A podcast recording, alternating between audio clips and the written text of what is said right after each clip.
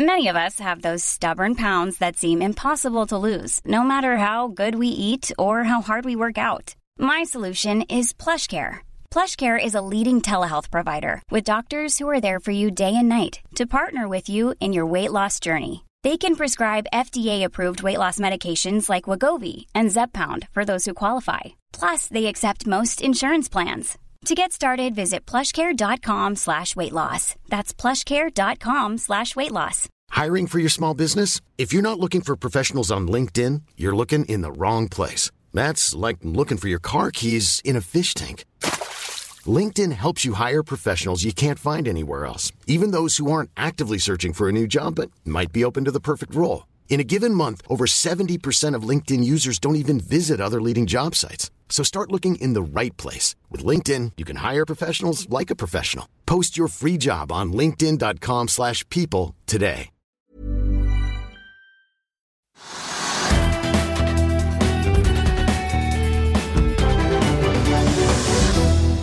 Riktig god torsdags ettermiddag alle sammen, og velkommen til Økonominyhetene på denne 21. september. Dag to av Paretos store energikonferanse her på Scandic Holmenkollen Park Hotel i Oslo. Det regner ute, så strømprisene holder seg ganske lave en god stund eh, til. Overskrifter du bør få med deg i eh, dag, så er det altså at mens den amerikanske sentralbanken holdt renten sin på stabilt da uendret i går kveld på nivået 5,25 til 5,5 så kjørte altså Norges Bank i gang med en ny renteøkning i dag, opp 0,25 til 4,25% Det er altså den nye styringsrenten, og mer skal det bli. Erna Solberg har møtt pressen, og foreløpig blir hun sittende som Høyre-leder etter aksjeskandalen, ser det ut til. Storebrand selger også unna deler, eller siste del får jeg si, av sin helseforsikringsvirksomhet. I denne sendingen skal vi høre fra Paretos dealmaker, kan vi vel kalle han. Sjefen for investment banking, Tormod Høiby, er med oss. Som ikke bare har vært med på å hente penger for PGS i det siste, men som også forbereder seg på et rush av refinansieringstransaksjoner i eiendomsbransjen fremover. Mer om det litt eh, senere. Vi skal høre fra Panoro Energy, som driver med olje i både Afrika og Guinea og lover mer utbytter. Og det ble også mer om Kapitals 400-liste, som er ute i dag. La oss sitte litt på markedet aller først. Hovedindeksen ned rundt 1,3 i eh, dag. Vi har jo sett at verken Oslo Børs eller europeiske børser, eller asiatiske for den sakens skyld, har gjort det særlig bra etter rentemøtet i USA i går. Jerome Powell bidro jo først da til å sende amerikanske, det amerikanske aksjemarkedet ned. Vi så Wall Street falle med inntil halvannen prosent på Nasdaq.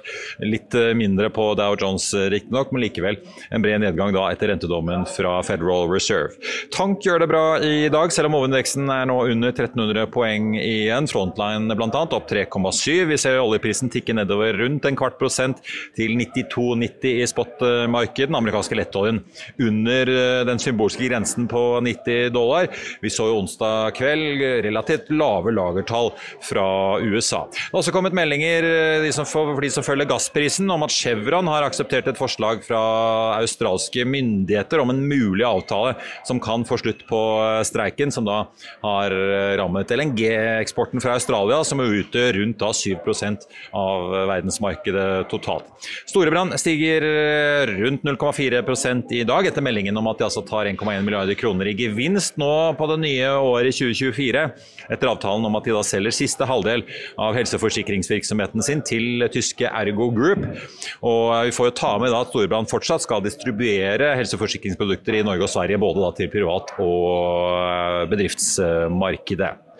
Så er det da sånn at uh, Kapital 400 er ute med listen over Norges 400 rikeste. Og som vi straks skal høre fra Trygve Hegnar, så er det for første gang på lenge at antallet milliardærer går ned her i landet. Men aller først så må vi til sentralbanken. Norges Bank satte i dag opp uh, renten med nye 0,25 til 4,25 altså. Samtidig som også rentebanen ble jekket opp. De varsler en renteøkning sannsynligvis da på desembermøtet uten at alle faktisk kjøper dette budskapet. Sparebankens eh, sjeføkonom Elisabeth Holvik er blant de som tror Norges Bank eh, bløffer litt. Kollega Are Haram har vært nede hos Norges Bank og snakket med sentralbanken. Her er hva han eh, fant ut av. Ja, Visesentralbanksjef Pål Langba. Forsterker Norges Bank nå svingningene og uroen i boligmarkedet og byggemarkedet gjennom denne varslede nye hevingen og signalet om at det ikke kommer noe rentekutt til neste år? Ja, vi mener at det beslutningen i dag har, dag har fattet og annonsert knyttet til rentehevingen nå, samt den noe oppjusterte uh, banen, er i måte uh, vårt beste svar på den utfordringen de vi står oppi, hvor selvfølgelig også eh, bolig, boligkonsum og boliginvesteringer inngår som en viktig faktor. Obos-sjefen sier til oss nå at disse rentesignalene betyr tilnærmet full byggestopp neste år. Altså mye svakere enn Norges Bank har prognosene. Tror du det kan gå verre? Altså, vi legger til grunn i våre anslag en, en betydelig reduksjon i eh, boliginvesteringene. Eh, men har ikke noen oppfatninger utover det knyttet til liksom, eh, i hvilken grad dette volummessig vil slå hardt ut. Det politiske samarbeidet kan utdype noe på det. Nei, det er ikke det at det selvsagt er uh, usikkerhet knytta til uh, prognosene våre. og I rapporten så har vi også en utdypning uh, hvor vi prøver å si noe om hvordan denne usikkerheten utvikler seg over, over tid, inkludert boligmarkedsusikkerhet. Så, så, men dette er vår beste prognose, men det er klart det er usikkerhet knytta til byprognosen. Norges Bank har jo justert rentebanen neste ved hvert møte. Uh, vil den neste justeringen bli ytterligere heving av rentebanen, eller går vi mot et tidspunkt hvor rentebanen kan bli senket? Altså det vi nå sier klart og tydelig i dag, at nå er nær det nivået på renten som er nødvendig for å få ned uh, inflasjon. Og renten vil bli holdt oppe, jeg. en stund uh, framover. Uh, avhengig av blitt mer uh, krevende. Og vi vil ta oss uh, nødvendig, nødvendig tid. Er det nå primært lønnsveksten som hindrer at inflasjonen faller? Uh, lønnsveksten er jo en viktig bidragsyter og en komponent inn i uh, bedriftenes uh, kostnader, som gjenstår i uh, økt uh, prisvekst. Men det er også flere faktorer som vi også trekker fram i vår rapport, knyttet til høyere petroleumsinvesteringer, samt også noe høyere styringsrenteforventninger ute som virker på norsk av kronekursen. Kronen svarte på dagens signaler med en styrking. Hadde du vært skuffet, eller i hvert fall overrasket om det ikke skjedde? Jeg har ikke selv fått uh, sett uh, eller fått informasjon om uh, en kursutslag som følge av uh, beslutning. Men, men, i den grad uh, dro inn en forventning om en rentetopp på dagens nivå, til 4,45, så virker ikke en viss styrking være overraskende. Signalet også fra Norges Bank er høy rente lenge. Betyr det også at likevekstrenten, eller den, nøytrale renten, er på vei opp, slik at man må basere seg på at rentene varig skal være høye?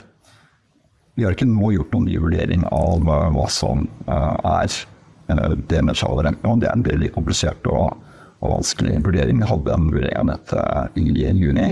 Samtidig observerer vi jo at, eh, at de lange rentene har eh, kommet opp ute, som kan være forårsaket av en økning i den nøytrale renten. Det vil i så fall bety at den innstrammende effekten er noe mindre enn det som vi har sett, sett til nå. Da Kapitals liste over Norges 400 rikeste kom ut i fjor, så var det ingen skyer på himmelen. Det er det nå. Hva er det som er blitt mest dramatisk for utviklingen for de rikeste i landet, Trygve Egnar? Ja, Det første og sterkeste er jo det at eh, antallet milliardærer har gått ned. Det er det første gang siden finanskrisen i 2008-2009. Så det vitner om at det er litt, på en måte litt mer komplisert å være milliardær i Norge. Men du må fremdeles ha 1 milliard kroner for å komme på listen i det hele tatt. da. 1,25 milliard kroner, og det er ganske mye penger. Og Så ser man det at veldig mange mennesker har mistet mye formue pga. at eiendomsprisen har falt, renten er opp, og, og, og verdien har falt. Og eh, den store fantomet Ivar Tollefsen han har mistet formue. Han hadde 51 milliarder i formue, nå er det 20 etter den regnestykket vi har. 30 milliarder ned i formue på en eiendomsspekulant. Tror du han klarer seg når du, når du, har mistet mer enn 30 milliarder på ett år? Hvordan vil det neste året se ut for Georg Tollefsen da? Ja, Det er litt avhengig av hvordan rentene går, men, eh, og det er avhengig av hva han, har i reserver og hva han kan refinansiere. Men altså, slik det ser ut nå, med økende renter, så vil hans formue til neste år gå ned fra de 20 han har, de, og langt ned fra de 51 han hadde det siste året. Dette er, jo ikke, er dette et fenomen som bare treffer Iver Tollefsen, eller er dette et symptom på et større problem? Det er et større problem. Mange på listen har nå mistet mye av sine formuer. De som hadde da veldig mye forankret i eiendom, de har mistet mye. Og så har de som har vært i shipping, tjent masse penger i fjor, eller løp, det løpende året frem til nå. Men de som er ensidig da liksom inne i eiendom, de kommer til å få smellen i det året som kommer også. Det sies jo at det er i kriser at formuer skifter hender. Er det det vi kommer til å se nå, da? Ja, jeg syns ikke det er så krise. Av og til går det opp, av og til går det ned. Men det som er et interessant poeng, er at veldig mye av den formuen som da er i de menneskene, de 400 rikeste i landet, den styres nå fra utlandet. Nesten 40% styres fra utlandet. Da står jeg her eh, med sjefen for investment banking i eh, Pareto Tomod Høiby. Det regner, har regnet mye da utenfor, så det lover vel bra for strømregningene våre fremover. Men det er hett her inne, og det er hett i energimarkedet. Fortell litt om temperaturen. Dere som eh, jobber med alle disse transaksjonene som Pareto tross alt står for hvert eneste år. Nei, Det er jo et bra marked. Det er bra interesse fra investorsiden og det er bra interesse fra selskapssiden. Og så har vi jo, kommer jo fra den rene energiservice-biten på veldig mange eh, fra ti år egentlig med ganske vanskelige forhold. Eh, så det å komme tilbake til en slags normalisering i seg selv er eh, veldig bra. Så det er høy aktivitet. og folk er glade og fornøyde. Så det er jo hyggelig, det, altså.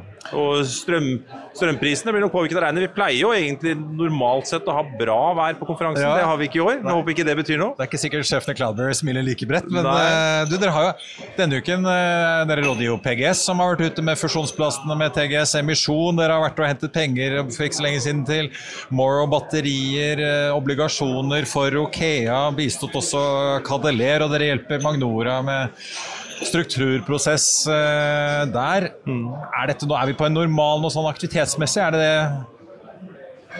så det fins ikke noen på en måte normal som sånn. Markedene svinger opp og ned, og så er det jo øh, Aktivitetsnivået varierer jo veldig, men det er ikke noe sånn spesielt høyt aktivitetsnivå i kapitalmarkedet totalt sett. Det vil si at det er nokså normalt, og så har det flyttet litt mer mot energisiden enn det har vært.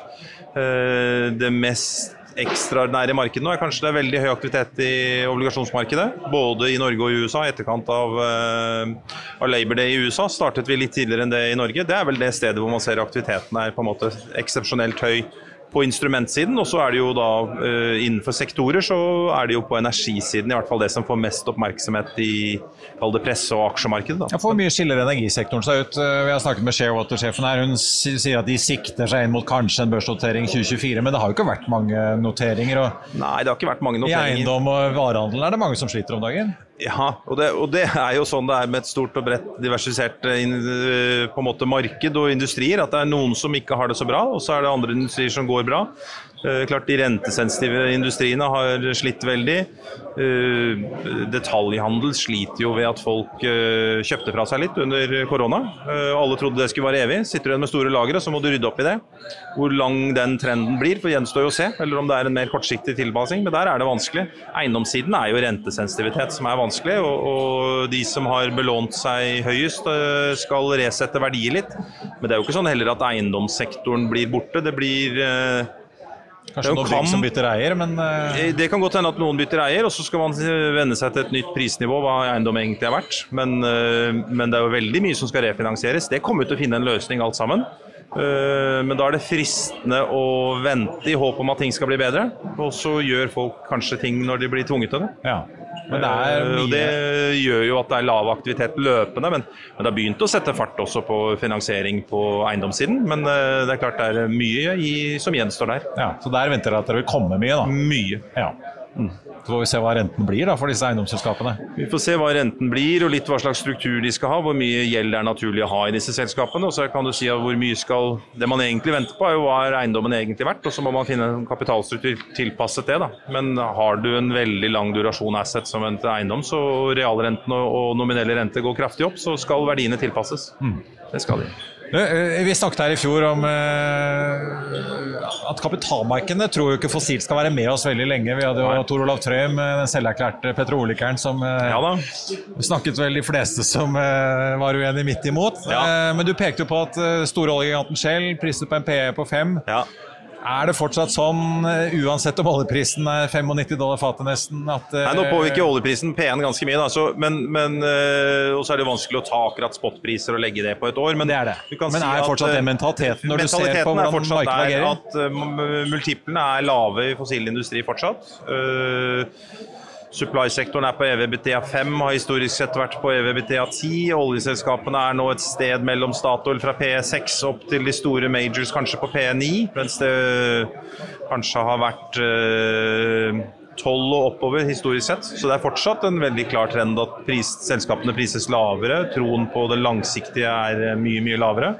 Eh, men litt mer balansert har det blitt fra i fjor til i år, da, i forhold til prisingen. Og så var det jo et veldig spesielt prisbilde på, på, på grunn av Ukraina-situasjonen i fjor. Da. Så det har også roet seg litt ned. Og så har jo energisektoren totalt sett pga. økt inntjening kommet seg ganske mye da, siden i fjor. Så det er, blitt, det er mer smil, mer inntjening og mer normalitet i hvert fall i bransjen, uten at det er noe eufori på noen måte. Ja, fordi noe nybyggingsaktivitet på, på rig og supply og offshore virker det jo ikke som det er, eller seismikk.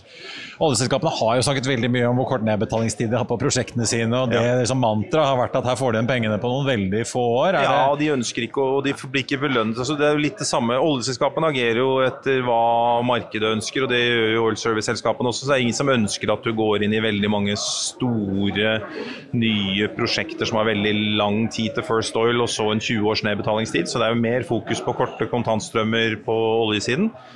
Og i forhold til uh, den rene oljeservice-biten, så er det jo uh, sant, du prises best case på halvparten av det det kostet opprinnelig å bygge utstyr. Eh, litt høyere kanskje på jackup-siden, eh, mens eh, prisene på å bygge nytt har gått mye opp, så det er langt opp til nybygging som er lønnsomt. Men det er sant i, også i shipping, så det er ganske mange segmenter nå hvor, det, hvor ordreboken er veldig, veldig svak. Og jeg tror kanskje det viktigste og det mest encouraging for de som jobber i industrien, er jo nå at markedet har nådd balanse det har egentlig ikke kommet så mye etterspørselsvekst. Altså Etterspørselsveksten har vært der, men den har ikke vært så stor. Dette er først og fremst en tilbud som har tilpasset seg gjennom egentlig ti veldig veldig tunge og vanskelige år. Så tilbudet tilpasset seg, og da med litt høyere aktivitet så ble det fort utsolgt, gitt. Så da har ratene kommet opp, og vi har uh, god lønnsomhet og litt mer normale situasjoner. Det betyr at selskapene har litt mer normale balanser. De som trengte å restrukturere, har restrukturert. Vi har et obligasjonsmarked som fungerer mer normalt. Rentene har kommet ned. Det er fortsatt veldig dyrt å låne, men det er i hvert fall mulig å låne. Det har det ikke vært på lenge.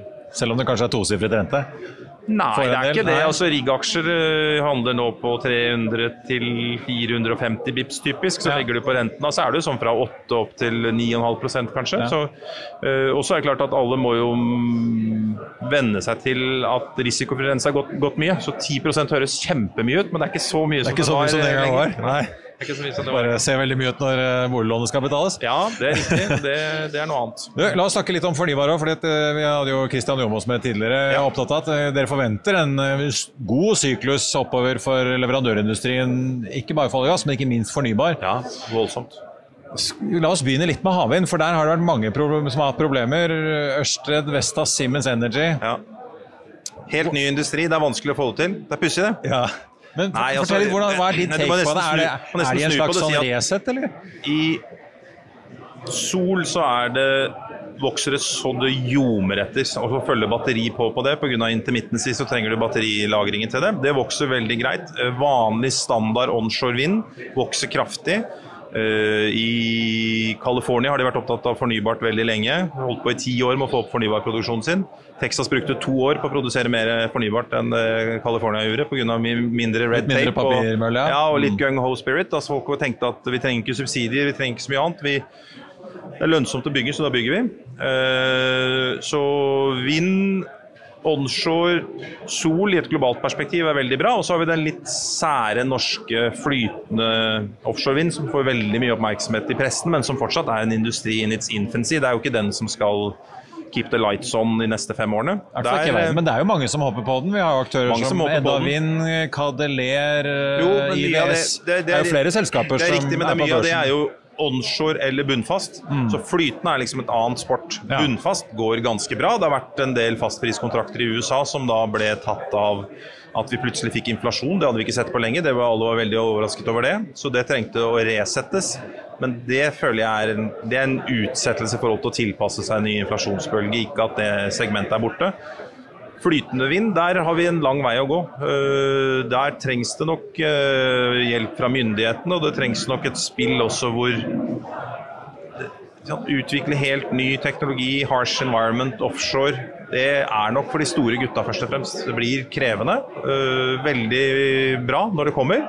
Uh, men det skal gjøres store teknologiske og produksjonsmessige fremskritt før det på en måte er konkurransedyktig med bunnfast vind.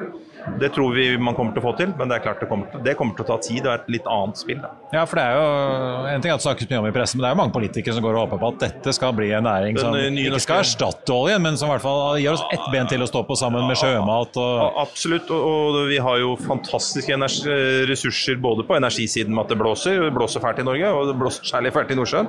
Eh, men også at vi har ingeniører som har bygget opp oljeindustrien som kan snu seg veldig rundt. Så det tror jeg kommer til å, å Der tror vi på det samme. Det kommer, men det blir blitt tatt litt lengre tid.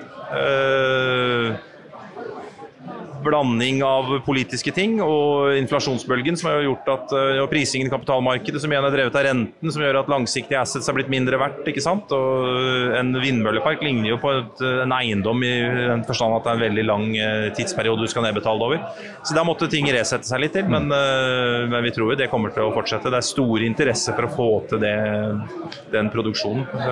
Det er det. Til slutt, Hva kan du si om 2023 eh, for Pareto eh, Securities? da? Blir det, blir det som 2022? Dere, jo, dere og mange andre meglere hadde jo veldig gode år, eller i hvert fall etter, sånn, etter den verste pandemi... Eh, ja da, det var en fantastisk periode. Starten, så gikk det jo veldig bra. Så ja, roet ting seg litt. Hvordan ser 2023 ut til å bli? Vi hadde et uh, godt år i fjor. Vi har et uh, godt år så langt i år. Så får vi se hvordan det blir. Så er det jo uh, lettere å spørre Jomås om å uttale seg på i forhold til totalaktivitet. Men det, det er god aktivitet i de fleste segmentene vi opererer i. Det det. Ja. Du drar inn så mye dealer, vet du, så jeg måtte jo høre. Ja, ja. Tormod Heby Pareto, takk skal du ha for at du var med oss. Vi er tilbake rett etter dette. Takk skal du ha. Vil du bli oppdatert på det viktigste som har skjedd innen finans og næringsliv? Da er det bare å følge med, for hver morgen er jeg, Marius Lorentzen og aksjekommentator Karl Johan Malnes på plass i studio for å ta tempen på dagens marked i Børsmorgen. Og hver ettermiddag oppsummerer vi alt du trenger å vite i økonominyhetene, og det blir selvfølgelig masse interessante gjester. Klikk deg inn på fa.no-tv, eller søk opp Børsmorgen og Økonominyhetene der du hører på podkast.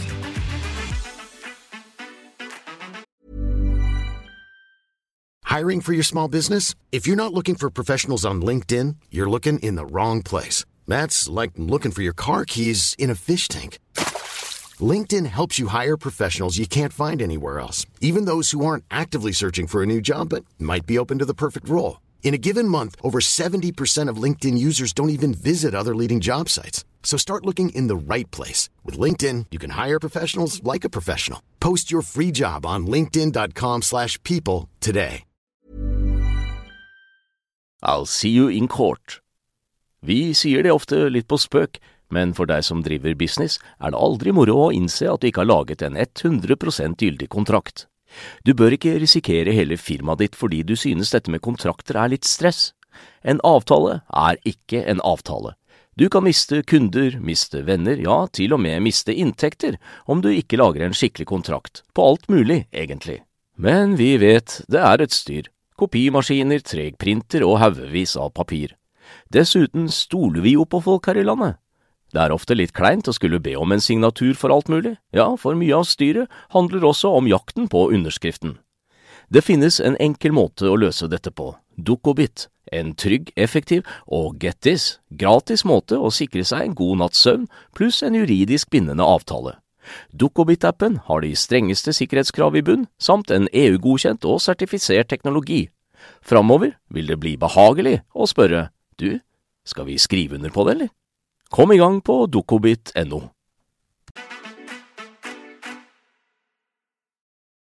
Da skal vi snakke med en av oljeselskapene som er på besøk her på Pareto-konferansen.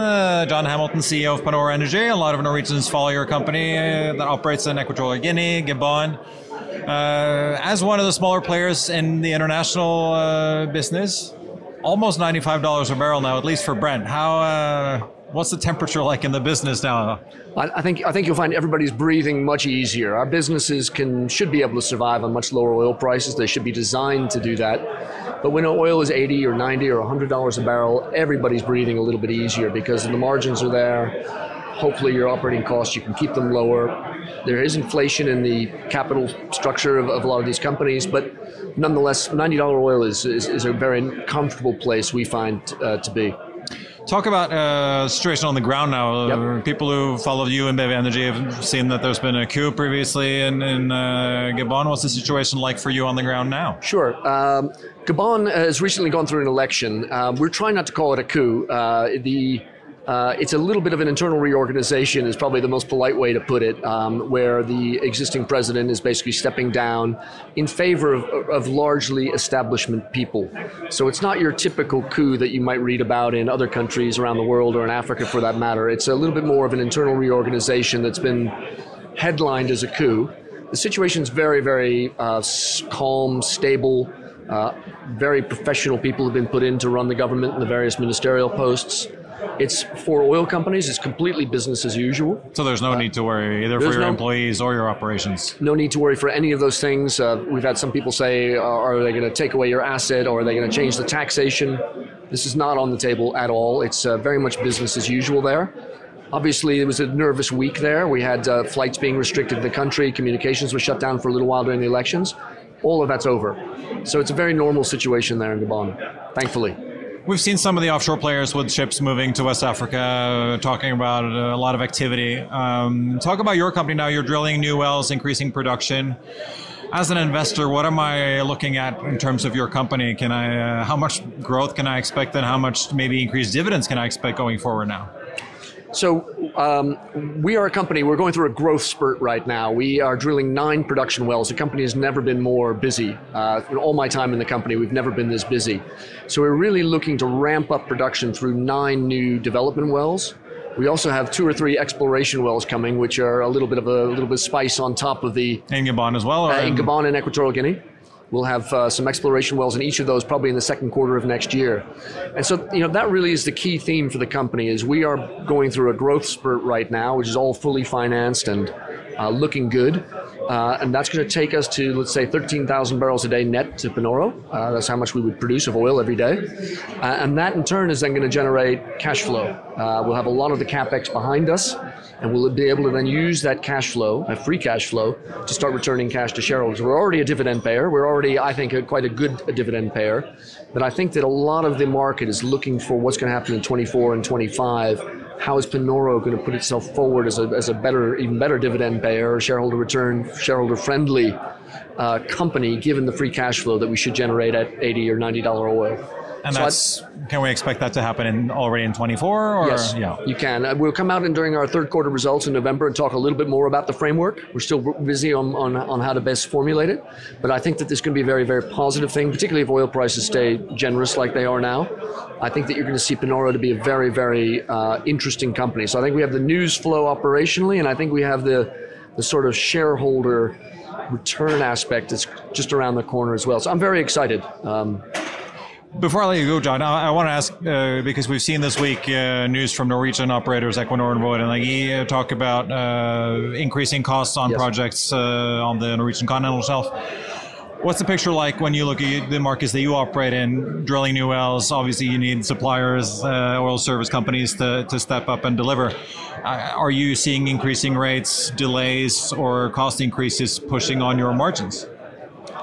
I think, uh, or your ability to grow? The answer is in two parts. The one is the current activities that we have, we contracted already 18 months ago. So all the drilling that I'm talking about that we have now are all contracts for not, only the drilling rigs themselves, but all for the ancillary service providers. Most of them have been nailed down already a long time ago. So we're we're protected hmm. to some extent from our current activities from this cost inflation you referred to, but we will see the same thing the next time that we come out and try and tender for a new well, a new piece of work. You're going to see the same cost inflations in West Africa as you do in the North Sea. I'm afraid it uh, it's the way that the cycle works. The oil prices go up, the service companies can charge more. Uh, hopefully the oil prices stay high, nice and nice and long. But we do see that cost inflation. It's not biting us now but to the extent we want to do much new, it will bite us for sure. Could you be in a position where maybe you sit back on the fence and wait a little bit? To we could. We could. I think we're hitting a nice plateau. To open up. Yeah. Because we've been, we've been so active for the past year uh, and for the next nine months that I think we can afford to sit back and wait a little bit and try and wait some of it out. But yeah, at the moment, we're hearing it from everybody. Costs are definitely going up on the capital side. John Hamilton, CEO and Panora Energy, thank you for joining us. Thank you so much. Du hører på Klokkelandslaget, en podkast fra Finansavisen i samarbeid med tidssonen.no. Og ja, du gjettet riktig, dette er en podkast om klokker. Vi står her med en av de nyere nå. Hvis man har fulgt utviklingen fra de første astronklokkene, Og så har du en sånn litt sånn Starburst-aktig skive. Men ikke bare om klokkene, vi skal snakke liksom om tingene som skjer rundt. eh, folkene. Men jeg ønsket meg klokke i konfirmasjonsgave. Alle kompisene fikk det. Jeg fikk det ikke. Jeg fikk gullmansjettknapper. Jeg er dritsur på foreldrene mine. Nyhetene, eh, historiene, merkene. Hva som er interessant i klokkeverden, rett og slett. I Finansavisen i eh, morgen, og i Kapital får jeg si, så blir det masse mer om Kapital 400-listen, eh, som selvfølgelig da kommer i fredagens eh, Kapital. Du kan lese Trygves leder om at gjørmekampen rundt Erna Solberg og Sindre Finnes ikke er over ennå. Du kan lese mer om kjemperabatt i tørrlast, og hva utbyggerne av boliger sier nå etter rentedommen fra Ida Wolden Bakke og Norges Bank. Det var økonominyhetene på denne torsdag 21.9. Det blir mer Pareto-stoff, for i helgen så er vi ute med en spesialepisode med analysesjef Eirik Håvaldsen. Den vil du ikke gå glipp av, den finner du da på fa.no-tv og ved å søke opp Økonominyhetene der du hører på podkast. Men i denne omgang så er det dekningen vi har for deg her fra Holmenkollen Park Hotel i Oslo. Husk Børsmorgen i morgen 08.55. Da får vi besøk av Delfi forvalter Adil Shah, som har vært på besøk hos både Nvidia og Tesla i California, og nå er hjemme i Norge igjen. Og så blir det Økonominyhetene 13.30. Da får vi med oss det med Markets sjeføkonom Kjersti Haugland, som skal gi oss en oppsummering om alt som har kommet fra Norges Bank og hvordan det egentlig står til i norsk økonomi. Så det er verdt å få med seg før det er helg. Mitt navn er Marius Thorensen. Tusen takk for følget denne uken, om du enten så eller hørte på. Og så håper jeg vi ses igjen i morgen.